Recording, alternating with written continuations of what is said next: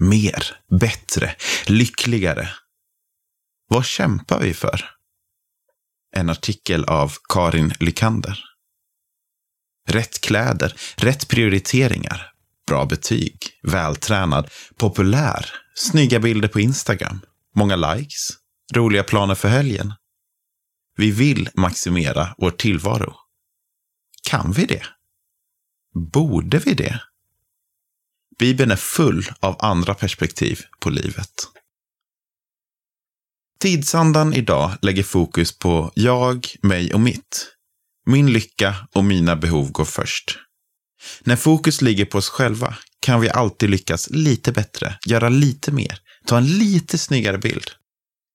När kicken har lagt sig inser vi att vi ändå inte är nöjda. Vi vill bara ha mer och mer. Jesus vänder på det perspektivet och säger att det är saligare att ge än att få. Apostlagärningarna 20.35. Ur ett kristet perspektiv går inte livet ut på att maximera min egen lycka. Det är något djupt tillfredsställande för en människa att göra något gott mot andra människor. Att tjäna varandra. Gud vill befria dig från fokus på dig själv, så att dina gåvor och dina personligheter får finnas till för andra människor. Han vill få oss att upptäcka att det är saligare att ge än att få. Leva i nåd. Jag tror att människan alltid velat lyckas. Det är en drivkraft som är god, som Gud lägger ner i oss för att vi ska sträva framåt.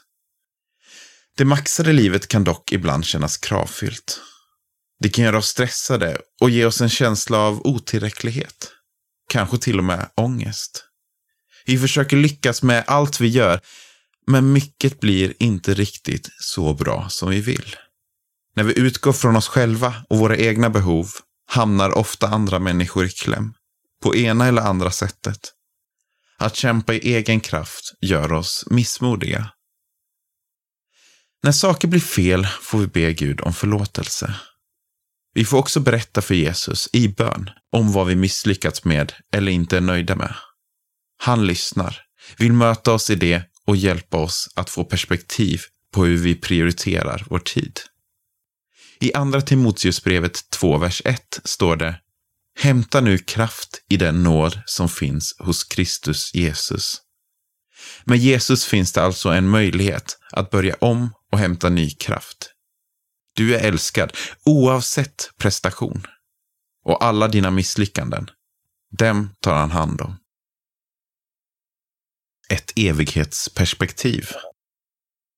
Vi lever i en värld som alltid är påverkad av syndafallet. Synden har smutsat ner allt och påverkar dessvärre alla delar av livet. Livet här är ofullkomligt och vi kan leva med en känsla av att något fattas. Livet här på jorden har sina begränsningar och därför strävar människan efter att få nya kickar, att maxa sitt liv och att göra så mycket av sin tid på jorden som möjligt. Som kristen får jag istället leva med ett evighetsperspektiv på mitt liv.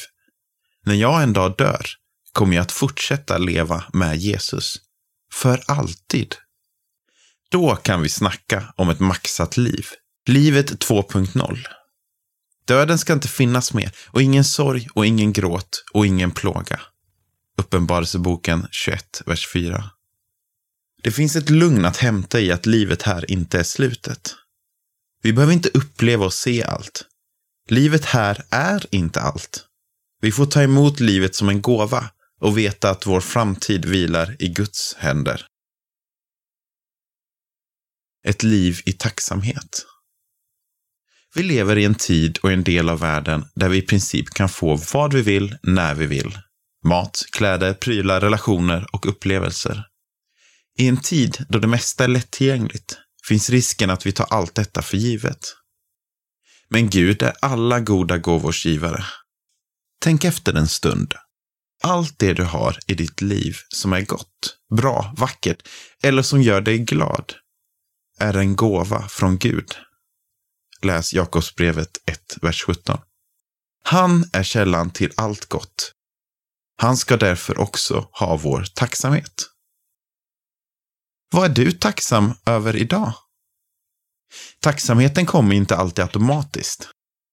Testa innan du lägger dig, eller nästa gång du pratar med en kompis, att berätta vad du är tacksam över. Det kanske kan kännas lite fånigt eller överdrivet. Men Gud vill fylla vårt liv med tacksamhet. Människan är skapad till att tillbe och lovsjunga Gud. Paus. Men vad hjälper tacksamheten mot den stressen jag känner av att leva det maxade livet? Är inte detta bara ytterligare ett krav? Att jag borde vara tacksam också? Nej, jag tror snarare att tacksamheten kan skapa ett andrum. En chans att hämta andan och få perspektiv.